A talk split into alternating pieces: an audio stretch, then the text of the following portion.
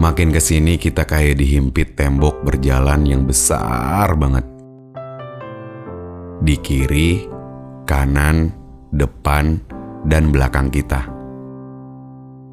Pilihannya cuma dua, naik atau pasrah. Kita juga nggak tahu gimana caranya supaya temboknya berhenti berjalan. Makanya pilihannya cuma itu. Kayak serba salah aja gitu. Mau naik, temboknya ketinggian. Mau pasrah, tapi kita belum siap menerima semuanya. Mungkin analogi ini cukup berat, tapi kayak nyambung sama kehidupan kita yang berkeringat. Kayaknya kata sabar juga agak klise, karena udah dilakuin setiap kali kita melewati fase. Kata semangat juga terasa biasa, karena kita cuma mengandalkan diri kita aja. Kalau disuruh menerima, ya menerima. Cuman pengennya terbaca.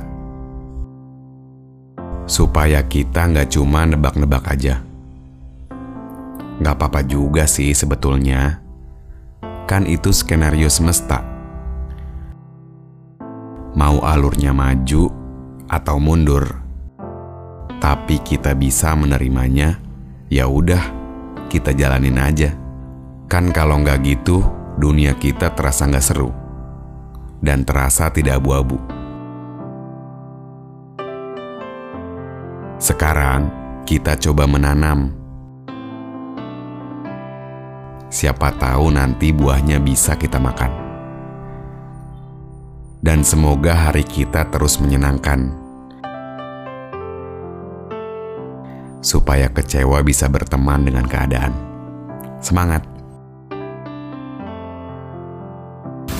buat anak-anak saya yang laki, yang cewek, yang masih bujangan dan perawan semuanya dapat. Mudah-mudahan kerjanya yang baik, usahanya dilancarkan, didekatkan jodohnya, jodoh yang soleh dan soleha dipanjangkan umurnya, diluaskan rezekinya, dan diberikan rahmatnya. Amin.